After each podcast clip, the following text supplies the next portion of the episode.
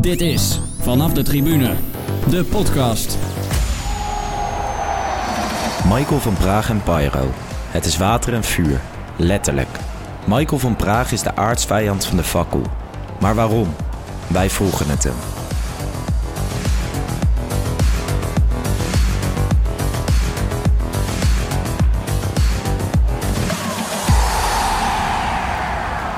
Yes, Jeroen, Goedemiddag, Bas. daar zitten we weer. Ja, We zijn eh, een week verder, maar eh, bij ons zijn we tien minuten verder. Even een korte pauze gehad. ja.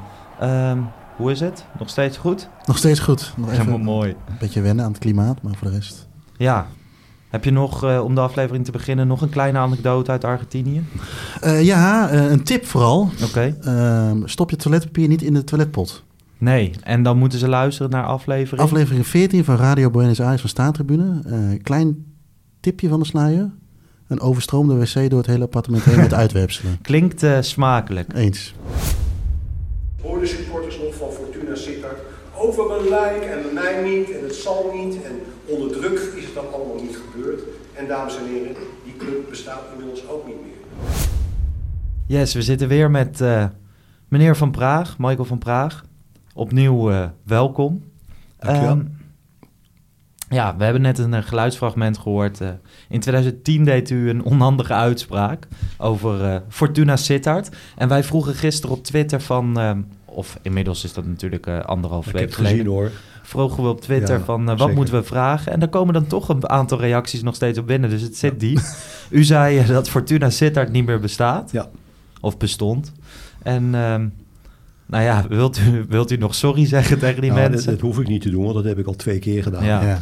Sedertdien. En eh, dat was natuurlijk een, een ongelofelijke stomme verspreking van mij. Ja, Want we waren toen bij de KVB bezig met eh, de financiële eh, eh, situatie van een aantal clubs.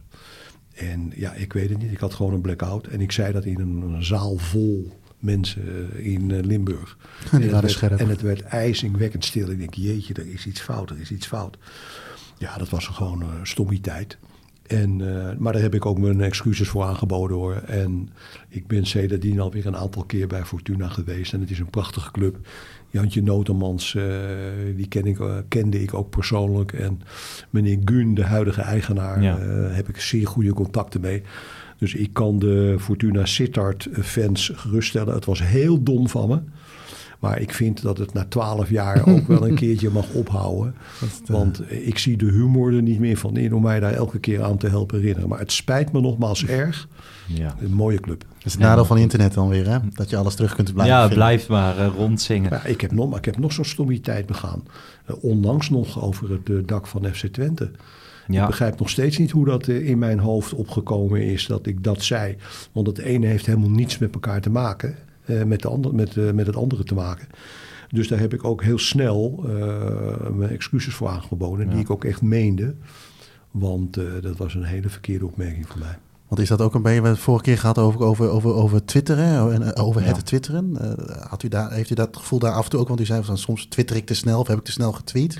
Ja, Dat- maar dat klopt. Maar ik moet je heel eerlijk zeggen. Ik eh, ben ook, eh, diep in mij zit ook de provocateur hoor. Ja, Ik, ben, eh, ik, ben ik heb heel veel cabaret gemaakt in mijn leven. En eh, ik heb ook in een cabaretgroep gezeten. Zelfs ooit nog tweede geworden op de kameretten in Delft. En eh, dus dat zit wel in me. Dus soms dan denk ik ook wel eens, ja nou vooruit. Ik zal, ik zal eens even een beetje olie op het vuur gooien. En dan, eh, ja, dan maak ik wel eens een, een, cabareteske tweet. En ja, dan weet ik al van tevoren ja. wat er gaat gebeuren. ja. Maar dat vind ik ook wel weer een beetje Maar gaaf. om even, want anders krijgt u dat weer. De uitspraak van FC Twente en het dak, dat was niet. eh, Dat- nee, dat was, had niks met cabaret te maken. Nee. Dat was gewoon eh, onbegrijpelijk dom. Ja. Nou ja, laten we gaan eh, naar het onderwerp, eh, denk ik, waar heel veel mensen eh, deze podcast voor willen luisteren. En een mening over hebben. En een mening over hebben. En waar we Pyrotechnics. Ja, is veel het, vragen over hebben gehad. voor mijn beeldvorming, is het pyro of pyro? Of maakt het helemaal niet uit? Nou, bij ons, eh, bij ons zeggen ze pyro. Maar ik weet ook dat sommige mensen pyro Ja, het is een. Engels woord, hè, pyrotechnics. Nou, laten we Ja, dat dan maar wij, doen. wij gebruiken het bij de UEFA het Engelse woord pyro. Maar Maar Nou, dat maakt niet uit. Nee, We nee, het is gewoon even voor mijn... eh, kan ik ermee thuiskomen? wat vind jij er op zichzelf van, Jeroen? Eh, sfeerverhogend. Eh, ik zie er ook wel wat, eh, wat kanttekeningen aan, maar in eerste instantie zeg ik sfeerverhogend. Ik kan me bijvoorbeeld, en dat heeft niet zoveel met, eh, met Pyro of Pyro te maken. Ik kan me vroeger, B-side, Deventer, Ja. was ik, eh, mocht je, was een bepaalde pikorde. En dan mocht je op een bepaalde leeftijd mocht je daar staan, maar dan begon je bovenaan. Maar daar begonnen ze eigenlijk de grote wedstrijden allemaal met zo'n 100.000 klappen. En met, met fakkels en dat soort dingen. En dat staat me altijd nog bij. Van hoe indrukwekkend. Oh, nou, dat is, het, is, het is geen bewustzijn trouwens. Hoe mooi ik dat vond. hoe mooi ik dat vond, zeg maar. eh, qua. eh, ja, als supporter zijn. Dus ja, ik vind, ik vind het sfeerverhogend. Dat is, dat, is, dat is mijn eerste reactie. Wat is eh, uw eerste reactie op eh, Pyro? Vindt u het, vindt u het sfeerverhogend? Nee, helemaal niet. Ik vind het, eh, het is gevaarlijk. Kijk, wij hebben als UEFA ehm, een aantal problemen. We hebben bij 57, eh, bijna 58% van eh, de voetbalwedstrijden in Europees verband zijn er incidenten. Waarvan 30,5% vorig jaar, of in 2017, 18, 31% eh, pyrotechnics. En dan zijn er nog een hele hoop andere problemen die zich voordoen. Nou, wij hebben in het kader daarvan een aantal jaar geleden hebben wij een onafhankelijk eh, onderzoek laten doen met de vraag: is het, is het veilig gebruik van pyrotechnics in een voetbalstadion, want daar gaan Ja. we het over, is dat mogelijk? Nou, het antwoord was, en het is een heel dik rapport, en als jullie het een keer willen hebben, kan ik het je verzorgen. Ehm, het antwoord is nee. Veilig gebruik van pyrotechnics in een voetbalstadion is niet mogelijk. Dat rapport, dat is endorsed, zoals het heet, dus goedgekeurd en ook geaccepteerd door Football Supporters Europe.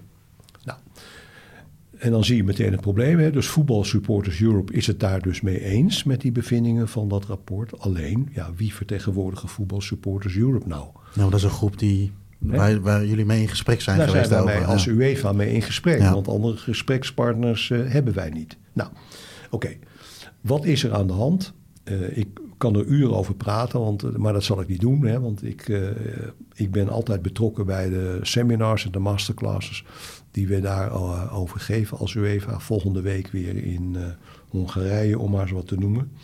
En de week daarop, ik zal het toch maar eerlijk zeggen... weer in Baku.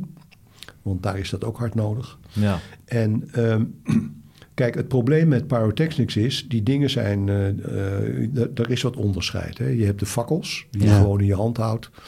En je hebt ehm, ehm, eh, eh, vuurpijlen en dat soort dingen. Nou, van de vuurpijlen, daar zegt elke supporter die je spreekt, ook op Twitter, ja, die, eh, die, dat vinden wij ook idioot, Ja. dat die gebruikt worden. Hè, dus laat ik me even gewoon beperken nu tot eh, de gewone fakkel. ja, en die potjes die je op de grond En- kan en- zetten waar ook heel veel rook uit komt. Precies. Nou, wat is er aan de hand? Zo'n fakkel is 2000 graden. Eh, bij 80 graden eh, verbrandt je huid al op een verschrikkelijke manier. Dan heb je al eh, derde, derde graads brandwonden. Die fakkel is 2000 graden. Zo'n fakkel heeft een minimale veilige afstand van 5 meter. Dat staat er ook op. Ja. Want die fakkels, dat zijn, als je tenminste een echte koopt, dat zijn dingen die, die je gewoon in de boterwinkel kopen kan. En die zijn bedoeld om, om in de verte goed zichtbaar te worden.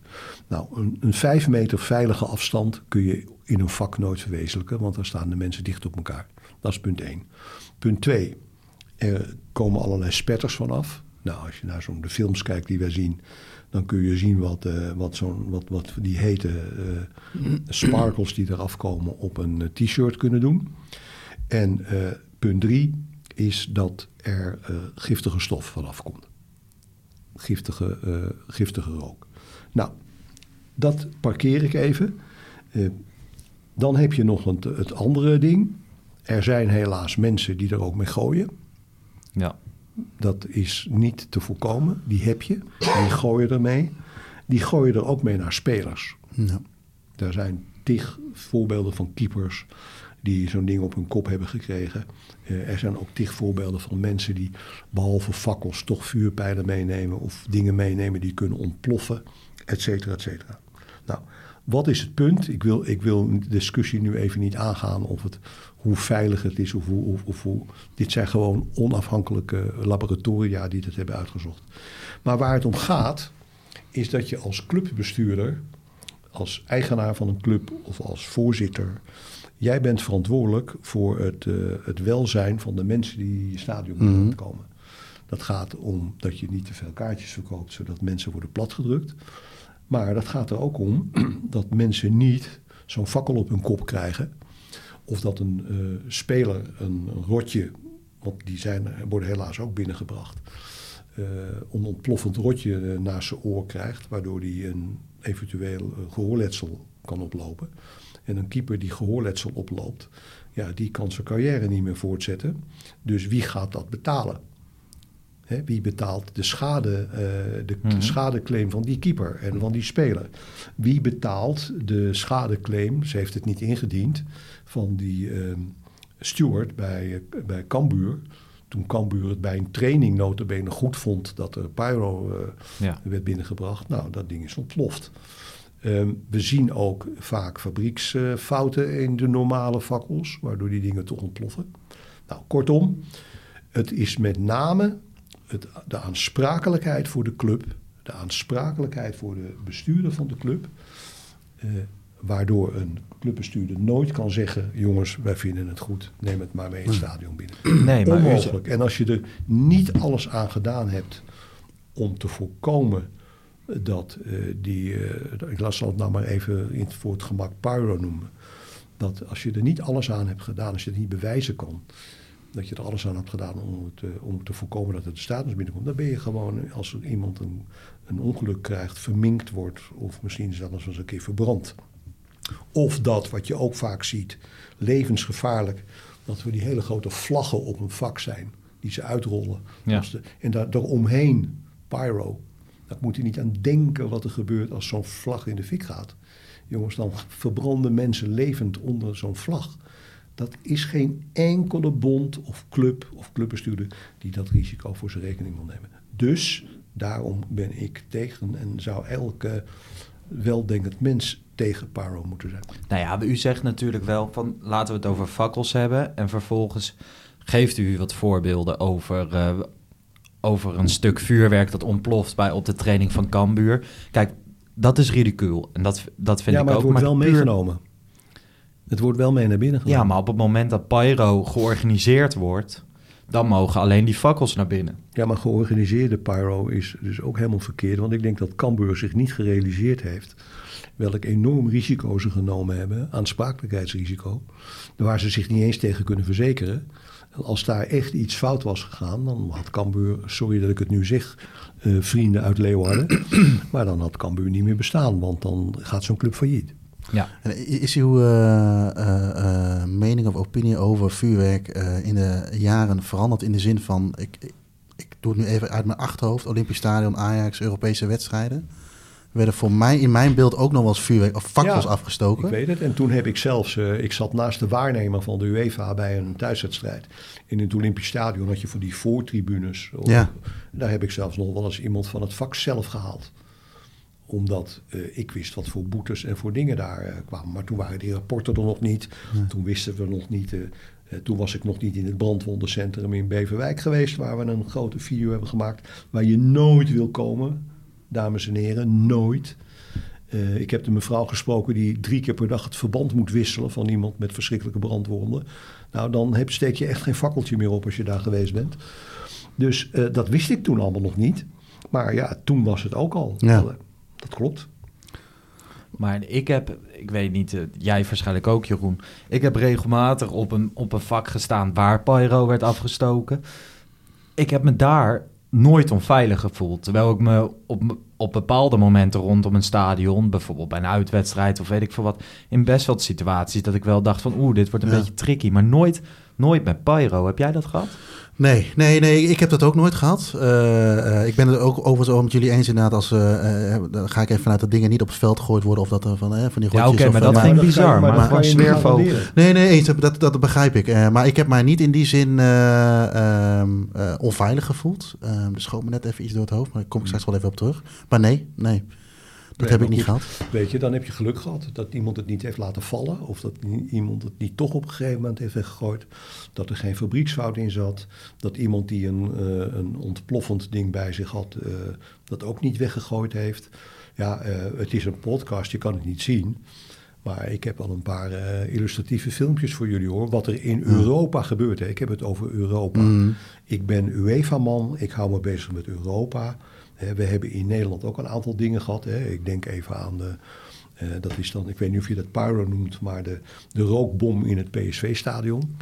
Dat Nou, was een ik- beste inderdaad, Hè? ja. Ik weet niet of je dat pyro noemt, maar, maar eh, in ieder geval als je daarin staat en je ademt dat eh, in, kan je melden dat het zeer slecht voor je longen is. En dat mensen die er verstand van hebben, en ik ben geen dokter, mij kunnen uitleggen waarom je daar na jaren echt last van kan gaan krijgen. Weet je? Dus die, die, en de mensen die in zo'n vak staan, en ook jullie niet als iemand anders om jullie heen pyro meenemen, Mhm. die hebben er niet om gevraagd om aan dat gevaar blootgesteld te worden. Nee, maar het is wel zo, het wordt op bepaalde vakken afgestoken. En dat, het is wel zo dat als je bij Ajax op de F-site gaat staan, dat je weet dat je een andere wedstrijdbeleving hebt dan dat je op Oost gaat zitten. Ja, maar, Toch? Ja, dat is makkelijk dat je dat zegt. Maar als jij eenmaal een kaartje hebt eh, op dat vak, dan kom je niet meer aan een seizoenkaart aan de andere kant. Want dat is, er zijn wachtlijsten. Nee, ja, dus dat je klopt. zit nou eenmaal op de F-site, dus je hebt je er maar aan eh, te, te laten. ja. Nou, dat is niet zo. Maar Mensen van de F-site zouden schelen. naar Noord kunnen. Ik bekijk het vanuit het oogpunt van dat je als organisator van de wedstrijd, dus als club, laat ik nou maar even zeggen, als club, verschrikkelijk de pineut kan worden als er door eh, pyro eh, ongelukken gebeuren. Ja. dat en, snap het, ik. en, het feit, en het feit dat er nu gezegd, en dus ook naar spelers toe, hè, een club is het zelfs verplicht eh, ervoor, naar haar spelers, want dat zijn ook werknemers, net als stewards, ervoor te zorgen dat ze veilig zijn, dat ze niet de kans lopen om een brandende fakkel op hun kop te krijgen. Dat ben je als club gewoon verplicht, of je dat nou leuk vindt of niet. Er zijn juristen, die onafhankelijke juristen in Europa, die dat op film ook verklaren. Eh, en ja, daar heb je je als club, eh, als je een verstandige clubbestuurder bent tenminste, aan, eh, aan te conformeren. En waar ik dan wel een beetje moeite mee heb, is in, weet je, ik ben, ik denk dat we allemaal voor veiligheid zijn, uiteraard. Is dan wel, en dan baseer ik het even op mijn eigen situatie. In, in Deventer is, nou, daar, heerst een beetje uiteraard hetzelfde van, weet je, je moet oppassen met vuurwerk, geen vuurwerk bla bla, bla, boetes, dat soort dingen. Maar er wordt wel gekoketteerd met promotiefilmpjes van de club, in dit geval Go Ja. Ahead dan. Eh, van, eh, Fox Sports zelf ook, tot anderhalf jaar geleden. ja, die zijn, zijn, eh, men- eh, mensen kunnen erop aangesproken worden en wordt het veranderd. Maar ik, zie dan dat bij een Dave zie ik dat gewoon dan wel gebruikt worden. En ik wil daar niet mee zeggen dat dan... dan Nee. Maar dan vind ik ook als club zijn, hè, moet je daar ook helemaal... eh, want, want uiteindelijk zijn het mooie beelden natuurlijk. Ja, dat, zeker. En, eh, en, en, maar daar heb je als gelijk in, dat moet je als club ook niet willen. Want een goede letselschadeadvocaat, je hebt het over Go Ahead, Ja. een goede letselschadeadvocaat zal wanneer er eh, daar wat gebeurt, zal dat die filmpjes absoluut gaan gebruiken. Ja. om die club eh, eh, een, een heel groot probleem te veroorzaken. En dat kan zelfs niet alleen een financieel probleem zijn, maar ook een strafrechtelijk probleem. Er zijn in het buitenland zijn er ook clubbestuurders gewoon in de gevangenis geraakt omdat ze er niets aan gedaan hebben om de veiligheid van hun supporters op dat punt te garanderen. Ja, en ik weet het, eh, de boodschapper eh, wordt, wordt bekogeld, in dit geval ik. En ik krijg het op Twitter voor me kiezen, dat weet ik allemaal wel.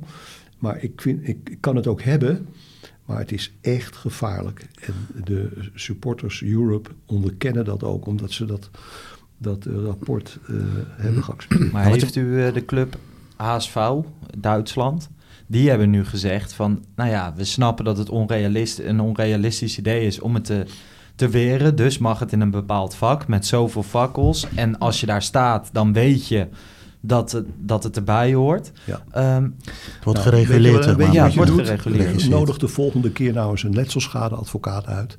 En leg hem dit nou eens voor. En dan zul je horen wat hij zegt. Die club die speelt letterlijk met vuur.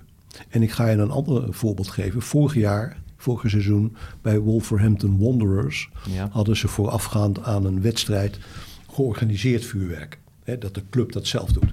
Een van die, di- van die, van die eh, dingen die omhoog gingen, die Ja. fonteinen, kwam tegen de dak, want dat was wind, kwam tegen het dak van het, eh, van het eh, Stadion. stadion aan. Die mensen die eronder kregen allemaal gloeiend hete spetters op hun kop. Ja. Daarop Daar sta jij niet eh, op te wachten. Daarvoor ben je ook niet naar een stadion gekomen eh, om, je dat, om dat te laten gebeuren. Dus ook dat georganiseerde vuurwerk is op onderdelen heel onverstandig. Ik weet, in Nederland, volgens de Nederlandse wet mag het. Hè. Ik was laatst bij eh, Ajax PSV. En, Ja, daar deden ze daar, het ook. gebe- daar gebeurt dat ook. Heel dom van Ajax. Hè? Nou, in de arena zal niet zo, zo vaak eh, wind zijn. Maar het is wel dom, want als daar iets mee gebeurt. In Frankrijk, ik weet dat het lang geleden is, maar in Frankrijk is bij een, een finale, is op een gegeven moment, is, eh, daar hebben ze ook tegenwoordig van die vuurwerkfonteinen, zo'n ding is omgevallen. Waar allerlei kinderen die op het veld liepen, die, werden, eh, die kregen al die dingen naar zich toe gegooid. Ik eh, zou me voorstellen van, jongens, laten we nou met z'n allen iets, iets anders bedenken, wat nog veel leuker is dan dit. Eh, en, en, ik, ik heb een eh, stukje gelezen. Ik, eh, ik, ik ben niet een specialist erin, dat moet ik direct wel zeggen. Maar er zijn in, eh, in, in Scandinavië wordt er ook veel gereguleerd daarin, geregisseerd. Maar dan schijnen ze bijvoorbeeld ook, ehm, eh, ja, ik noem het maar even gewoon vuurwerk te gebruiken, die ze ook in theaters gebruiken. Waardoor het een ander soort type vuurwerk is. Waardoor dat minder, want als je het in theater doet, dan ben je natuurlijk ook helemaal beschokt als je daar een fakkel Het afsteekt. is koud vuurwerk. Ja, misschien moet je het zo hoe- noemen, weet je maar- hoe koud dat koude vuurwerk is? Nee, geen idee. 500 graden. Nou, dan kan jij je fix aan branden, kan ik je melden. Maar eigenlijk zijn ze dus ook gek in het theater om dat te doen dus. Nou, maar dat is een heel ander spul. In theaters, dat, eh, daar zit nauwelijks eh, de, de hoeveelheden... Ja, eh, ik weet niet hoe ik het noemen moet, maar buskruid of wat het ook is. de hoeveelheid chemicaliën, moet ik zeggen, die daarin zitten, is zo laag... Ja. Hè, dat je wel een effect hebt, maar dat het bij lange na niet de hitte afgeeft die, die we in, in, in stadions kunnen ervaren. Maar dan moet je voorbij een, een, een vuurwerkspecialist zijn. Ja, ja, misschien, kijk, als dat hetzelfde effect geeft als wat we nu gaan, hè, we als supporters zijn en willen creëren, zou dat Ja. misschien een, eh, een alternatief eh, eh, kunnen zijn, wellicht. Dat, eh, Ik, ja, ik, ik, ik, weet, ik weet het niet. Ik, eh, ik zou hopen, eh, en dat is wel een beetje kritiek naar Voetbal Supporters Europe eh, en, en ook wel in het algemeen. Van supporters naar, zeg maar naar clubs en bonden toe. Ja, jullie moeten maar wat bedenken. Nee, denk eens mee. ja. Maar het is niet, het Denk is eens niet mee. Realistisch. wat zouden we nou kunnen doen? Hè, om, eh, ik heb al eens een keer geopperd, maar misschien vinden jullie mij heel kinderachtig nu, dat kan wel zijn. Waar ik erg van onder de indruk ben, hè, en dat is, noemen jullie misschien niet sfeerverhogend, of dat noemt de supporter misschien niet sfeerverhogend. Maar wat wel zeer indrukwekkend is, dat zijn die enorme displays, die, je, die, die enorme doeken die je vandaag de dag eh, ziet ontvouwen op een tribune naar beneden. Nou, eh, organiseer een wedstrijd eh, wie de mooiste maakt. ja, qua spandoeken bedoelt u. eh, qua spandoek. Ja, maar dat zijn van die hele grote... Ja. Zoals bij de Zo er derby van Milaan. te- Zo is er nog wel meer te bedenken. Wat kan je vandaag de dag met LED-displays niet doen? Maar daar zijn, vooral jij, daar ben jij zwaar op tegen, toch? nou, nee, Met displays en... nee dis, ik- display moet ik altijd even aan Manchester City denken, Ja, ja. aan die eh, digitale spandoeken. Nee, daar ben, ben ik niet zo van. Ik heb bij PSV zien we bijvoorbeeld ook die, eh, die lichtshow. Eh, is li- Ajax ook voor de Champions League. Is, ook is verschrikkelijk. het een lichtstad? Oké, weet je, dat linkje kan ik nog wel leggen. Maar ik- dat is ook niet mijn ding. Maar goed, ik ben niet de enige die het staan zit. Dus de nieuwe generatie zal het misschien wel leuk vinden. Eh, maar waar ik een beetje mee zit is... ehm, eh, dat is ook een beetje de... nou, misschien is het niet helemaal de rode draad door dit, dit verhaal... maar waar we het wel eerder over gehad hebben is... Ik noemde net het voorbeeld van Go Ahead, zeg maar, met dat filmpje. Nou, weet je, dat zullen ze waarschijnlijk nu niet meer doen.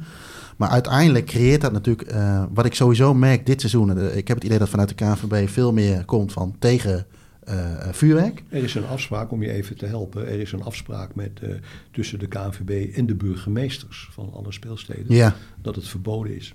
Ik heb wel het idee dat er veel meer vuurwerk nu in stadions is. Ik, ik Ja. noem alleen maar eh nek, de graafschap, het uitvak. Ik, ik geen idee hoe Nou, ze het gedaan hebben. dit maar, seizoen, hè? Ja. Alleen wat, wat je dan even los van wat we er dan van vinden, want ik denk dat we daar eh, eh, misschien niet helemaal uitkomen. Dat hoeft van mij betreft ook niet. Nee, helemaal niet. Eh, maar is dat je, mm, mij gaat het dan meer om dat filmpje wordt gebruikt, dat je daardoor, kijk, de club zegt het mag niet, maar ze gebruiken dat je daardoor juist die afstand creëert, waar we al vaker over gehad hebben van. Ehm, eh, dat wij als supporters zeg maar niet gehoord worden. We, moeten wel, eh, we mogen geen sfeer maken, maar het wordt wel gebruikt in filmpjes. Nee, maar je zou, ik, ik, ik ben natuurlijk absoluut niet op de hoogte in hoeverre clubs in Nederland contacten onderhouden met supporters. Dat weet ik echt niet. Nee. En Verschilt ook per club, denk ik. wel, het zal per club verschillen en eh, vast wel met de supportersvereniging. Maar ja, mijn eigen ervaring is dat de supportersvereniging, hoe leuk en hoe gezellig en hoe goed dat ook is, is ook geen afspiegeling, totale afspiegeling Nee, zeker niet. Wie, er, wie, er, wie er naar de wedstrijden komen. Dus je zult met, eh, als club zul je heel veel tijd moeten ste- besteden in gesprekken met diverse mensen uit je vakken. Eh, en eh, ik weet niet in hoeverre dat gebeurt, maar ik zou, als ik clubbestuurder was, dan zou ik dat doen. En dan zou ik met heel veel mensen gaan zitten. Jongens, wat kunnen we nou doen om dit gevaarlijke? Hè, want het is voor de spelers ook niet goed. Vaak blijft die rook erg lang hangen. Hè? Nou, dat is gewoon giftig, jongens. Dat heb ik niet bedacht. Dat is gewoon zo. Dat is, dat, dat, dat is bewezen. Dat moeten die, die, die spelers van jou, waar je voor juicht, moeten dat ook eh, eh, tien minuten inademen. Nou, leuke sfeerverhoging. Ja. Dan denk ik, ja, we moeten toch iets anders kunnen vinden met elkaar. Maar spelers zeggen ook wel eens van ja, toffe actie, we kregen een boost. En ik Ja. snap wat u zegt hoor, het is giftig en dat, Ik dat weet zal dat ook- spelers dat zeggen. Kijk, en, en, en, en ik, ik denk ook dat, je er, dat, je er, dat we hier, hier nooit echt uit kunnen komen. Nee. hè? Nee. Dat denk ik echt niet. En dat zeg ik niet ehm, eh, om in de contrabine te zijn. Nee, maar dan moet je dus juist wel het gesprek aangaan. En kijken, wat, wat is dan wel acceptabel? Hè? Wat, wat is dan wel sfeerverhogend?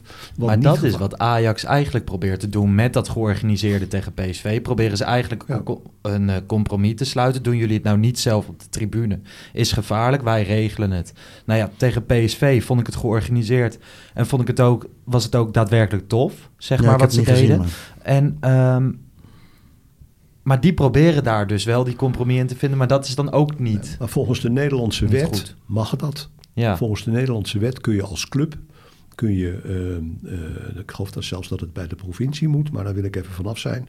Maar lokaal kun je een vergunning aanvragen om met behulp van een vuurwerkexpert hè, ja, dit soort dingen eh, eh, te doen. Dat mag, ja. dat mag. Alleen, ik zeg dan nu, nou, vorig jaar bij Wolverhampton Wonders liep dat helemaal verkeerd af. Dus weet dan wel club dat je een risico loopt, ook al doe je het op die manier, dat je de mensen mee eh, hete, vuurwerkdingen op hun kop kan laten komen als het misgaat. Ja, meer kan ik er ook niet over zeggen. Heeft u het idee dat u daar eh, als, als bond zijn en, en een beetje, eh, weet de groep die het graag wil is veel groter dan degene die er tegen is, zeg maar? Eh, dat dat een heel klein groepje is vanuit de KNVB. Begrijpt u wat ik bedoel? Dat, het- dat, dat, dat een hele erge strijd aan het worden is? Nee, ik denk het niet. Eh, Bij de KNVB heb je Jan Bluisen, die is eh, de hoofdcompetitie. En die, die heeft hele goede contacten met de Nederlandse supportersvereniging. Ja. En met de, de landelijke supportersorganisatie. Ik, ik weet niet beter, maar de details ken ik niet. dat hij met hen over dit soort dingen ook in gesprek is. Ja. Want je moet er natuurlijk op een of andere manier wel uitkomen. Omdat je ook niet, een club kan zich niet permitteren om dit gewoon oogluikend toe te staan. Omdat ze dan juridisch de pineut zijn. Eh, u heeft ook nog eens wat over, ge, eh, ik kom steeds weer op Twitter terug, maar op, eh, over getweet heet dat hè? Ja. Ook over voorbeelden die u heeft gezien. Nou, Ja. we kennen allemaal het voorbeeld van een foto die wellicht niet met voetbal te maken had. nou, weet je, ik hoef Nou, daar, die, daar niet... die eh, gebruiken we bij de even niet meer. Maar die, die, Maar- heb ik, ja, die heb ik te goede trouw gebruikt. Omdat die in onze presentatie zat. En dankzij iemand die, eh, die, dat, die dat heeft uitgezocht. die zijn Ja. er altijd, hè, die mensen. ja, nee, dat is ook heel goed. Dat is ook heel goed. Eh, kwam, werd ik ermee geconfronteerd dat, dat het helemaal niks te maken had met een, een, een voetbalwedstrijd. Nou, dan krijg ik wel de schuld en dan ben ik onbetrouwbaar.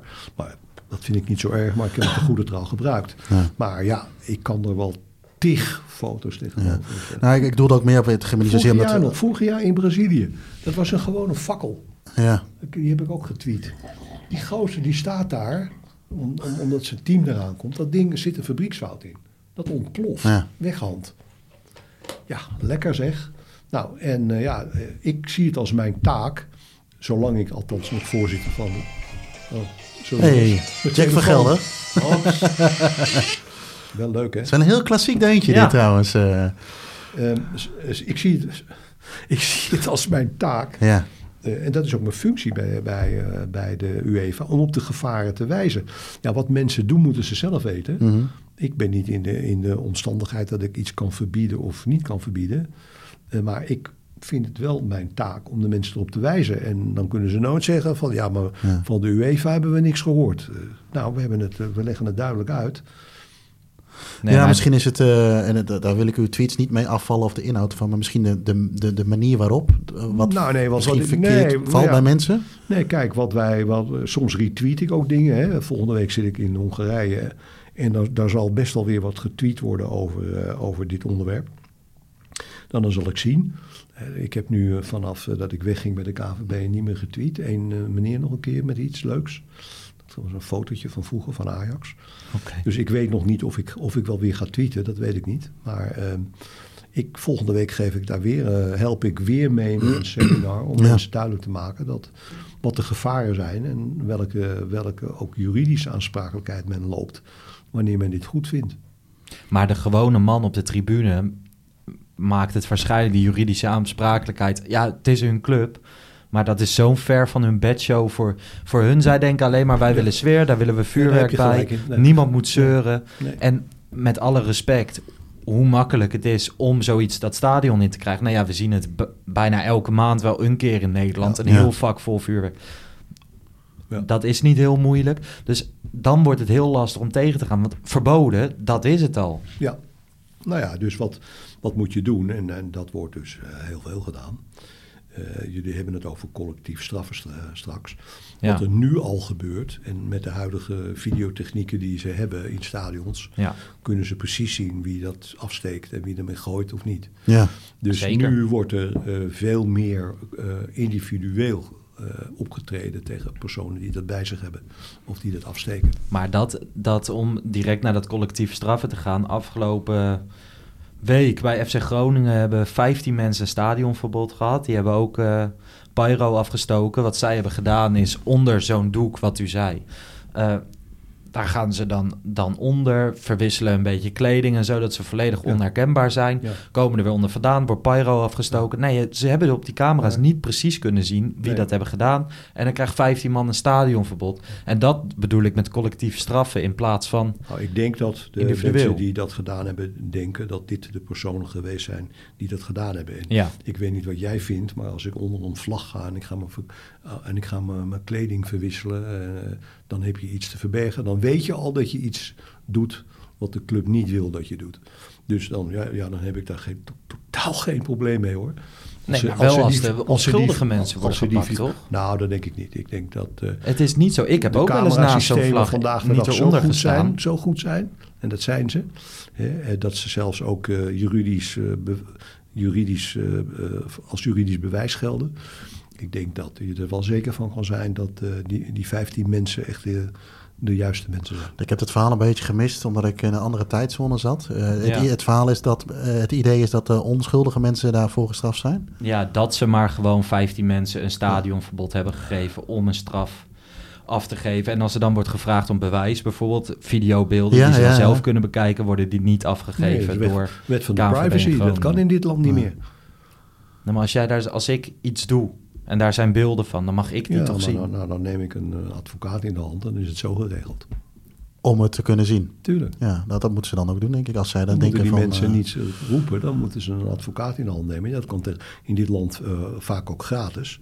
En dan moet je daar tegen in verweer gaan. Dat is je recht.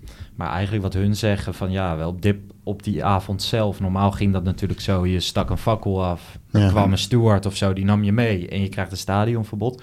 Dat is in dit, is niemand, niemand beschuldigd op de avond zelf. Nee. En ze zeggen van ja, die 15 zijn het gewoon niet. En ik, kijk, weet je, ik heb die Ja, beelden maar- niet gezien. Ik heb het artikel gelezen. Dan, Ja, nou. weet je, ja, natuurlijk zeg je dat je het zelf, dat je het niet bent.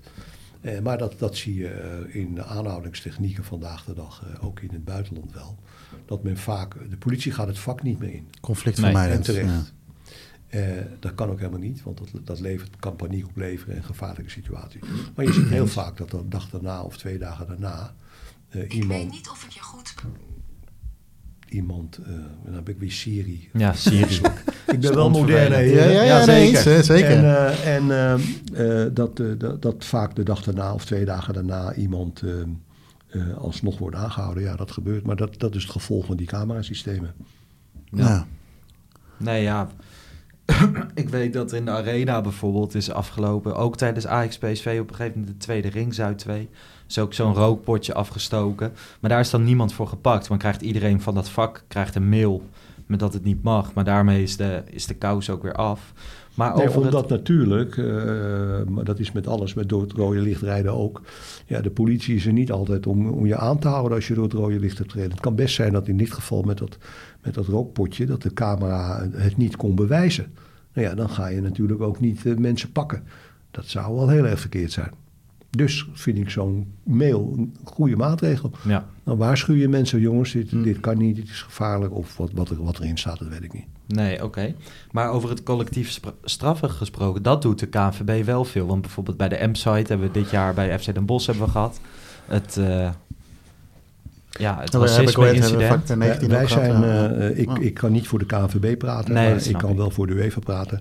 Wij zijn tegen collectief straffen. Maar toch wordt er heel vaak een heel vak geven- leeggehouden. Laat, daar kom ik naartoe. Hè. Wij geven eh, eh, seminars en masterclasses. eh. ik kon er helaas niet naartoe vanwege mijn heup. Maar twee weken geleden hebben we in Rusland een week lang met de politie gezeten. En natuurlijk ook met clubs en de bond. Om, om duidelijk te maken dat collectief, collectief straffen, en dat hebben we echt onderzocht, dat dat geen soelaas biedt. Hè, dat, dat werkt niet. En dat, dat geeft heel veel onvrede.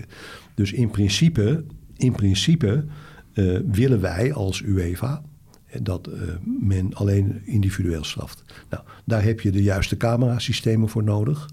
Die zijn niet overal. En dus ik, het gevolg is dat als, het echt heel, als er echt heel iets ergs gebeurd is, zie je ook bij de UEFA. En dan helemaal als het een club is die, waarbij iets al twee, drie keer gebeurd is, dan zie je dat de tuchtcommissie toch haar, eh, haar toevlucht neemt tot een collectieve straf. Maar dat is eh, echt voor wat de UEFA betreft in uiterste nood. Want wij proberen nou juist die, de, de autoriteiten bij de landen waar wij komen. En daar zijn altijd clubs en daar zijn altijd politiecommandanten. Eh, proberen wij eh, duidelijk te maken dat, je, dat dat niet gewenst is. En dat we liever hebben dat er individueel gestraft wordt. Ja, maar dan De- hebben we Nederland. Nederland, ja. ik betrek het even op Europa. Op, eh, wij zijn een rijk land, we hebben wel camera's en zo. Maar de Kuip is ook een heel deel van leeghouden. En zijn die netten nu neergezet bij maar- Europese ja, goed, maar weet je, Dat is ook collectief straf, toch? Nou, dat weet ik. Maar wij begeven, en jullie ook, wij begeven ons hier nu met z'n drieën op glad ijs. Want wij kennen de dossiers niet. Eh, wij weten ook helemaal niet of er eh, sprake is van herhaling, van recidive. We kennen de omstandigheden niet. En er komt ook nog een keer bij. eh, en gelukkig is dat zo. In Nederland is de, ook bij de KVB de, de aanklager en de, zeg maar de tuchtcommissie, dat zijn onafhankelijke organen. Daar zitten rechters in, daar zitten eh, juristen in. Ja. Daar heb je als bestuurder niets over te zeggen. En gelukkig maar, want er zijn ook nog landen in de wereld waar de voorzitter van een bond kan zeggen van eh, eh, jij Ja. doet het hele jaar niet meer mee. Weet je, dus dat soort praktijken kennen wij niet. Dus, dus het is heel moeilijk om hier in deze goede podcast, podcast dan daar een oordeel over te vellen. Want we kennen de stukken niet. Nee, maar we kennen wel de voorbeelden gewoon van Ja. collectieve straf. Jij zegt vak 19. Ja, er zit, er zit wat, wat, wat, wat, wat dieper inderdaad. Eh, daar ken ik de ins en outs wel een beetje van. Maar daar, daar- er zijn wat dingen gebeurd en er wordt ook een heel vak voor gestraft. Al zal er wat historie, zit er wat historie bij. Eh, maar wat wel goed is, denk ik dat de insteek in ieder geval wordt. Ik weet ook dat er een brief, volgens mij, dat eh, had ik je van de week even geappt. Dat er een brief naar de Tweede Kamer, of in ieder geval een, eh, eh, over collectief straf Ja. is gegaan. Dus het is wel een topic waar men mee bezig is. En als de insteek in ieder geval is eh, eh, dat we er tegen zijn, hè, eh, en dat we kijken naar mogelijkheden dat het wel eh, eh, zou kunnen, eh, mo- moeten kunnen individueel. Ja, dat, dat is dat al wel een stap vooruit. Alleen, Nou ja, weet je, nogmaals, ik kan niet is- voor de KNVB spreken, maar eh, wij proberen als UEFA eh, ook onze aangesloten bonden, hè, dus eh, ook de KNVB, maar ook andere, eh, duidelijk te maken hoe wij daar tegenaan kijken. Ja. En we hebben vorig jaar, of twee jaar terug, weet ik niet meer hoor, tijd gaat zo hard, hebben we ook zo'n bijeenkomst in Nederland gehad. En toen is het volgens mij ook aan de orde gekomen. Eh, dus eh, ik zou gewoon eens eh, de supportersgroeperingen in dit land aanraden om een goed gesprek met de KNVB hierover aan te gaan. En eh, daar moet je ook de clubs bij betrekken. En dan, dan komen er misschien andere. Zou het gevoel leven dat dat niet mogelijk is? Wat zeg je? Zou het gevoel leven onder de supporters dat dat niet mogelijk is om zo'n... eh, Nou, dat, dat zou heel goed kunnen. En vandaar ook dat, eh, maar dat heb ik vorige week eh, in deze podcast gezegd. Hè. Ja. Vandaar ook dat ik nu, nu ik vrij man ben en me, me vrijelijk kan bewegen in de voetbalwereld, samen met een paar mensen dus wil, wil gaan onderzoeken wat scheelt er nou aan? Hè? En, en wat, wat, wat, wat zijn jullie wensen nou? En Ja. Wat Want dat is wel wat- een punt. Wat, wat zijn ook de wensen van de bond en van de clubs? En hoe kunnen we elkaar daarin tegemoetkomen? Ja, Ik dat kreeg, ehm, een mooi om, om te proberen. Ja, ik kreeg veel... Misschien is al gebeurd hoor, door anderen, dat weet ik niet. Maar Nee, maar die vraag kreeg ik zelf. Ik weet niet of het bij jou zit, Lars, maar kreeg ik ook veel binnen van vrienden van eh, eh, hoe u denkt inderdaad die kloof tussen bestuur en supporters te kunnen overbruggen. Want die kloof die is er, die zal er altijd geweest zijn, zeg maar. Maar dan zou dit een voorbode op kunnen zijn. Dat je, ja, je moet gewoon in gesprek gaan. Ja, maar je moet in gesprek gaan. Maar de- volgens mij wordt er al wel heel wat jaren vanuit de KNVB geroepen normalisatie. En uiteindelijk zijn er nog steeds buscombi's van Emmen naar Sittard met, of van Emmen naar Enschede, waar de supportersgroepen gewoon goed Ja, bevriend zijn. maar- Het is wel angst van de gemeentes. Jawel, maar, maar wacht even, daar zeg je dat dat is zo. Maar dan heb je te maken met de burgemeesters. Er Nee, is dat geen- weet ik. Er is geen land in de, in, in, in de voetbalwereld waarbij de burgemeesters eh, zoveel invloed hebben op het al dan niet doorgaan van voetbalwedstrijden. En dat heeft met onze wetgeving te maken. Hè? Ja. Want de burgemeester is, eh, is verantwoordelijk voor eh, de openbare orde. En die heeft, als het een vrouw is, heeft zij of hij moverende reden om, om, om, om, dat soort dingen in te stellen. Maar inmiddels heb je een beetje het idee Ja, van maar, dat er maar gewoon daarom die wil ik me nou eens verdiepen. Kijk, eh, we hadden vroeger hadden we. eh, als, als, als je het hebt over vroeger, word je oud, dat weet ik. Ik ben ook oud. Maar toen eh, zat ik nog bij Ajax en toen hadden we de, een, een groep, voor, ik weet niet, werkgroep voetbalvandalisme en geweld. Nou, daarin eh, zaten allerlei politiecommandanten, daar zat ik, en daar zaten nog een paar mensen van clubs, daar zaten ook supporters. Nou, ik weet niet of dat, of, of dat nog bestaat. Ik weet helemaal niet of die, of die communicatie er is. En daar wil ik gewoon eens, eh, ben ik benieuwd naar, dat wil ik uitzoeken. Want ik geloof er echt heilig in dat, dat als je een situatie wil verbeteren, dan moet je met elkaar eh, om de tafel zitten. Ik, En eh, dan moet je ook stoppen, ook al denk je er emotioneel anders over van... ik ben tegen hun. Nee, eh, open dan eh, de deur en, en ga ook niet personen mijden zoals eh, ik gemeden ben. Hè, ehm, zie niet in iedereen de vijand. Hè. Hoe kunnen we dan met elkaar tot een betere situatie komen? Ik moet wel Dat zeggen, ik ken vanuit vroeger vanuit Cohet had je een, eh, ook een werkgroep. Het is Stichting de Kei. En daar zaten eigenlijk een beetje Ja. de, nou ja, de, de, de, de, de probleemgevallen. Ik heb er zelf ook wel eens een keer mee van doen gehad. Ja. Wil ik mezelf niet meteen als probleemgeval neerzetten. Nou, Eh, maar dat is een tijdje, die, op een gegeven moment is die werkgroep weggevallen. En dan zag je dat de problemen toenamen. Met, met eh, de, tussen aanstekens probleemgevallen. Voordat ik er straks eh, mhm. bij Cohet iedereen achter me aankrijg. Maar in ieder geval, hè, die, die werkgroep was er niet voor niks. En nu zie je langzaam de laatste jaren is toevallig diezelfde persoon van die werkgroep is nu weer is, wordt een SLO of is een SLO bij de club zelf. En ik moet zeggen, op dat niveau, en dat is het enige niveau waar ik over kan oordelen, is dat je ziet dat het, is weer de buscombi's worden wat minder. Het wordt een autocombi waarbij je wel moet registreren, moet omwisselen. Maar het wordt steeds wordt er meer gesproken over van, inderdaad, wat willen jullie nou? Wat zou nou ideaal zijn? Sommige wedstrijden kan het niet, dat snap ik allemaal wel. Maar bij sommige wedstrijden wordt er inderdaad samengekeken van wat is er nou mogelijk. Nu weet ik dat in de toekomst komen er een Ja. paar wedstrijden aan wordt.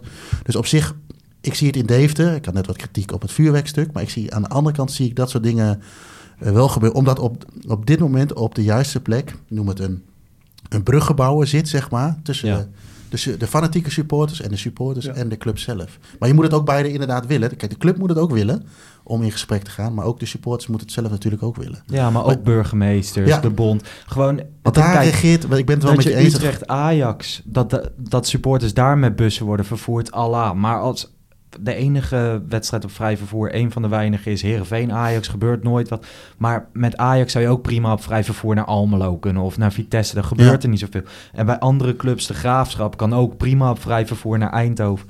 Alleen dat, dat wordt nu, nu is het gewoon makkelijk voor burgemeesters om te zeggen van ja, straks loopt dat wel uit de hand, doe maar een buscombi. Tenminste, Want- dat is het gevoel dat heerst. Ja, maar, maar, maar door, eh, door te doen wat jij zegt, hè, met elkaar in gesprek te gaan, kun je ook afspraken met elkaar maken. Want natuurlijk eh, hebben supporters ook een verantwoordelijkheid. Eens, ja. Die moeten er ook voor zorgen dat als er iemand eh, in hun groep meegaat en de boel loopt te verzieken, Mhm. dat die het ook verziet voor hun. Ja. Hè, dus daar moet je afspraken over maken. Hoe tackelen we dat? Hoe, hoe, hoe kunnen we daarmee omgaan? En dat bedoel ik niet meteen dat de politie dan vervolgens op een seintje zo'n figuur meteen eh, in de, in de kraag grijpt. Nee, dat bedoel ik niet. Maar hoe kun je met elkaar waarborgen eh, geven om een wedstrijd eh, zo goed mogelijk te laten verlopen? ja. Hè, waarbij alle partijen een beetje water bij de wijn moeten doen. En daar zul je de burgemeester eh, ook bij moeten gaan betrekken, denk Ja. ik. Want ik ben wel met jou eens, Lars, dat, eh, dat je het gevoel hebt dat eh, eh, eh, te vaak vanuit de burgemeester het voor de makkelijke weg gekozen. Weet je, Want als ik zeg van er moet een bus komen, dan heb ik geen problemen. En dan, dan oké, dan komt er misschien maar 20 man mee in plaats van 400. Ja. Maar dan heb ik in ieder geval mijn stad rustig. En ene, heel ietsje snap ik dat ook wel. Maar aan de andere kant, weet je, je hebt 400 mensen die wil gaan, zeg maar. En waarom zou je het zo moeilijk maken? Dus ik snap wel wat jij bedoelt. Alleen ik denk dat je in die gesprekken moet je dus ook de gemeente... of eh, ik, ik weet niet precies hoe dat werkt, want ik heb nooit bij die gesprekken gezeten. Maar ik weet dat er altijd voor elke wedstrijd een veiligheidsoverleg Ja, is. elke gemeente heeft, dat noemen ze een driehoek. Hè? Ja, Burgemeester, officier van justitie en de club. en dan ben je natuurlijk ook En, afhankelijk van de gillen van een burgemeester. Ook dat natuurlijk. Dat kun je Ja, niet, maar eh, ook wel natuurlijk van de geschiedenis. Eh, ja, maar daar heb Nee? ik ook wel eens bij van eh, over loslaten gesproken. Soms, weet je, eh, ik weet bijvoorbeeld ook dat er bij Goethe wel eens punten aangehaald zijn. En dan haal ik weer Goethe even bij, die twintig jaar geleden gebeurd zijn. Nou, dat was een hele andere generatie. Ja, dat. En dat moet je op een gegeven moment eens een keer... Of ja, misschien chargeer ik nu een beetje met 20 jaar. Maar dan moet, er, moet een, zo'n driehoek ook kunnen zijn. Nou weet je, we laten het los. We gaan eens kijken of we de, de jongens nu kunnen belonen. Of de jongens, eh, de supporters kunnen belonen. We geven hun een keer vrij vervoer naar... eh, eh, weet ik veel wat, hè? Eh, niet risicovol duel. Als gaat het goed, nou, dan gaan we steeds stapjes verder. Gaan we een stapje verder. Maar Maar dan moet je dat je- vertrouwen wel geven. Ja, en, en, en neem, of hoe heet dat ook? En- ja, en nemen Maar als je ja. dan... Dat, dat is ook zo, maar je kunt je toch ook wel voorstellen, vorige week hebben we het erover gehad, dat als dan bij een onschuldige wedstrijd tussen jong Ajax en jong Feyenoord, Ja. dat dan een paar Ajax-sieden, hè, zo noemen ze zich dan, de ouders van, eh, in, eh, van, van die jongens die op het veld staan van Feyenoord te lijf gaan. Ja. Ja, dan begrijp ik wel dat je als burgemeester op een gegeven moment zegt, ja joh, met die lui wil ik toch niks meer te maken hebben, daar ga ik niet eens mee praten. Nee. Het is dus zo- dus hoe kun je nou als club en als supportersvereniging of supporters niet lid zijn van de vereniging zijn, dat soort dingen meehelpen voorkomen? Ja, dat is een moeilijkheid, maar wel eh, het proberen waard. Ja. Nou ja, om hem eh, om af te sluiten hoop ik dat het eh, ooit zou kunnen zoals het in België gaat. Daar heb je straks de bekerfinale tussen Club Brugge en Royal Antwerp. Aardsrivalen. En ik las dat ze vanuit Brugge krijgen ze volgens mij gewoon vrij vervoer. Ook vrije verkoop. Ja, Niet Antwerpen nog niet, Antwerpen niet helemaal. Antwerpen ik, krijgt volgens mij eh, wel een buscombi. Maar in ieder geval, hoe dat daar wordt georganiseerd. Ja. De twee grootste riva- rivalen in de stad van rivaal nummer drie. Ja, Dat is wel. ehm, daar gaat dat allemaal wel iets normaler. En waarschijnlijk gedragen ze zich ook iets, iets normaler. Dat- Tenminste, in het verleden, weet ik niet. maar dat is misschien nog wel een eh, dingetje wat ik... eh, eh, ik had dan nog op een lijstje staan. Dat klinkt alsof ik een lijstje afwerk. Is misschien ook wel zo. Maar de Beneliga, eh, inhoudelijke voetbal, eh, inhoudelijk... eh, is voor mij niet de discussie of dat wel of niet moeten doen. Maar ik kan me ook voorstellen, omdat je er dan met twee verschillende landen te maken hebt... en misschien ook wel wetgeving, dat, dat weet ik de inhoud niet van...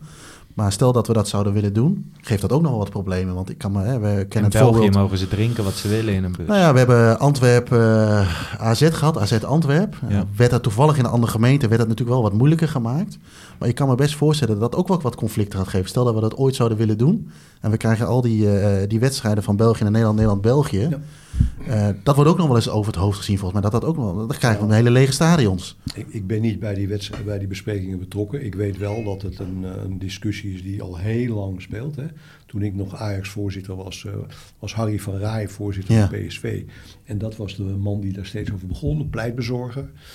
We hebben ehm, met, in mijn tijd bij de KNVB, hebben we de Beneliga met de vrouwen gehad. Dat is natuurlijk wel Ah, wat anders, hè, Ja. want dan heb je minder supporters die eh, meegaan, maar het zijn ook andersoortige supporters. En daarmee zijn ook alle juridische kloven die er zijn en problemen, die zijn toen eh, wel besproken tussen de landen. Hè. Dus er ligt een blauwdruk, blauwdruk. Maar inmiddels zijn we ook alweer eh vijf, zes jaar verder. Ja. Dus ik neem aan dat eh, dat, dat absoluut ook een onderdeel van, eh, van de bespreking is. Van hoe, hoe ga je daarmee om? Ja, maar, dan, maar dan wordt er inderdaad dus wel rekening gehouden van, van de voorstanders. Die hebben daar al wel over nagedacht. Dat denk ik wel. Want kijk jongens, eh, daar- ben ik heilig van overtuigd. Een, een wedstrijd zonder uitsupporters, dat is niks. Nee. Dat, Nee. dat vind ik als douchen in mijn regenjas. Weet je, dat, dat, dat, dat is niet des voetbals. Dus je moet er altijd voor zorgen, vind ik, dat dat mogelijk is. Maar dan ligt er ook een stukje verantwoordelijkheid bij de supporters van jongens. Dan moeten we ook wel zorgen dat wij ook een beetje normaal doen. En dat wij ook niet voor overlast zorgen. Hoe leuk dat misschien ook mogen zijn. Ja. Bij mij. Dus twee partijen die daar met elkaar in overeenstemming moeten komen. Wat is er nou nodig om die wedstrijden dan mooi mogelijk te maken met publiek? Ja. Nou ja, dat lijkt me een eh, mooie afsluiter. Nog één ding. Eh, u gaat met een boek komen. Ja, volgend jaar. En eh, geschreven door Willem Vissers. Ja, hoe weet je dat? Ja, zei Jeroen. Spitten hè, op internet. nee, ik, volgens mij heeft Willem Vissers daar een tweetje over gedaan. Ja, dat heeft hij gedaan. En, eh, ik denk een aantal weken over We maanden zijn nu bezig. Ja. Het komt vol. Het komt, En uit, wordt als ik, dat, eh, het komt uit als ik stop bij de UEFA. En wordt dat dan ook een beetje een openbaring? Of eh, ja. staan er dingen in? eh, Nou ja, weet je, er- er staan natuurlijk wat dingen in die ik heb meegemaakt. hè. En die eh, heel veel mensen nog niet weten. En die misschien interessant zijn eh, om, eh, of leuk. Om Ja. eens te kijken hoe dat in dat bestuurlijke wereldje gaat. eh, bij de, en hoe het bij eh, eh, presidentsverkiezingen, eh, wat heb ik aan Ja. twee meegedaan. Hoe dat allemaal gaat daar en wat daar allemaal gebeurt.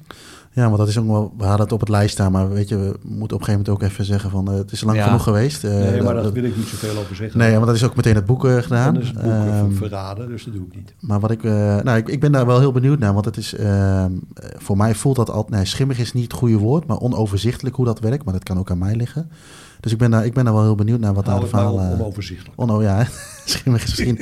misschien om even. ehm, ik had nog even één dingetje. Ik had een, eh, een artikel in de Volkskrant gevonden. eh, van, eh, eh, waar, u, eh, waar u het onderwerp in, eh, in was. En daar stond in van. eh, wat mij zeer krenkt is dat ik word versleten als plusje plakker. Oh ja, plusplakker. Is, eh, en wil ik hem iets breder trekken? Zijn er dingen waarvan u zegt van ja, weet je, dat had ik eh, Nee, anders kijk- kunnen doen of had ik een ander beeld mee kunnen tonen? Nou ja, weet Eh, je, kijk, er wordt heel gauw geroepen van... eh, hij zit al elf jaar bij de UEFA, dus hij, hij, hij is een plusplakker. Kijk, als ik, als ik mijn eigen gevoel had gevolgd... dan was ik al zeker twee, drie keer ergens opgestapt. Dan had ik aan mezelf gedacht. Ja, Maar eh, ook bij de UEFA. Maar als ik eh, met de bokkenpruik op... of omdat ik mezelf gekwetst voel... of in de maling genomen voel... op was gestapt bij de UEFA... dan valt dat slecht bij eh, andere bonden die jou moeten kiezen. En dan was het voor mijn opvolger, Just Spee... Mm, die nu eh KNVB-voorzitter is... veel moeilijker geweest om straks een kans te, te maken... om in het eh, UEFA-bestuur te komen... dan wanneer ik gewoon was blijven zitten. Bovendien, als ik dan opstap... ja, dan is de KNVB niet meer vertegenwoordigd... in het bestuur van het hoogste eh, orgaan. Ja. En dan kan je eh, heel veel dingen waar we nu in kunnen sturen... om waarin we kunnen proberen een finale naar ons land te krijgen... of een toernooi naar ons land te krijgen... ja, dat vervalt dan allemaal. ja, En ik heb mij altijd op het standpunt gesteld... ja, ik ben door leden van de KNVB gekozen om eh, dit te doen... en die hebben mij ook gekandideerd...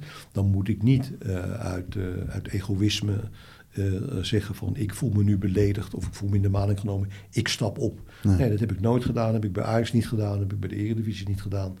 Dat, eh, dat doe ik niet. Helemaal goed. Nog meer vragen? ja, genoeg, maar daar hebben we denk Ja, ik niet... dat is waar. eh, Meneer Van Praag, ik, eh, ik wil u danken voor uw komst. Nou, Ik vind het ook, eh, ook oprecht tof dat u bent gekomen. Van, ja, het hoeft niet, het is geen verplichting. U krijgt er een eh, ferme handdruk voor terug, maar die zal u eh, genoeg hebben gehad in het leven. Ehm, nee, maar daarvoor wel, wel ja, eens? Kijk, het hoeft, het, eh, het, ho- het hoeft niet. En eh, weet nogmaals, Nee. kop van Jut. En eh, toch mooi dat het zo kan. Ja. Nou ja, ik vond het, ik vond het heel leuk en eh, dat zeg ik ook oprecht. En met name omdat jullie, omdat dit met name ook eh, heel veel over supporters ging. Ja, en daar heb ik eh, vanuit mijn Ajax-periode me altijd eh 13 jaar, 14 jaar lang mee bezig gehouden. Het is een wereld die me aantrekt. Ik denk dat ik supporters veel, be- veel beter begrijp dan men denkt dat ik ze begrijp. Maar ja, je zit altijd eh, met de tweespalt dat je ook bestuurder bent. Ja. Dus dat je ook voor je organisatie. En ja, dat heeft mij altijd eh, enorm geïnteresseerd. En vandaar ook dat ik, ik heb het er nu officieel aangekondigd, dat ik ook wil kijken of ik nog iets voor de supporters in Nederland eh, ten goede kan keren. Dus ik vond het eh, heel leuk dat jullie me hebben uitgenodigd. Helemaal Dankjewel goed. daarvoor. Vind ik een mooie afsluiting Ja. dit. Jeroen, eh, of mensen die luisteren, laat vooral even een recensie achter op de Apple iTunes app. Of eh, laat ons gewoon via Twitter of Instagram, via vanaf laagstreepje de tribune weten Ja. wat je ervan vond.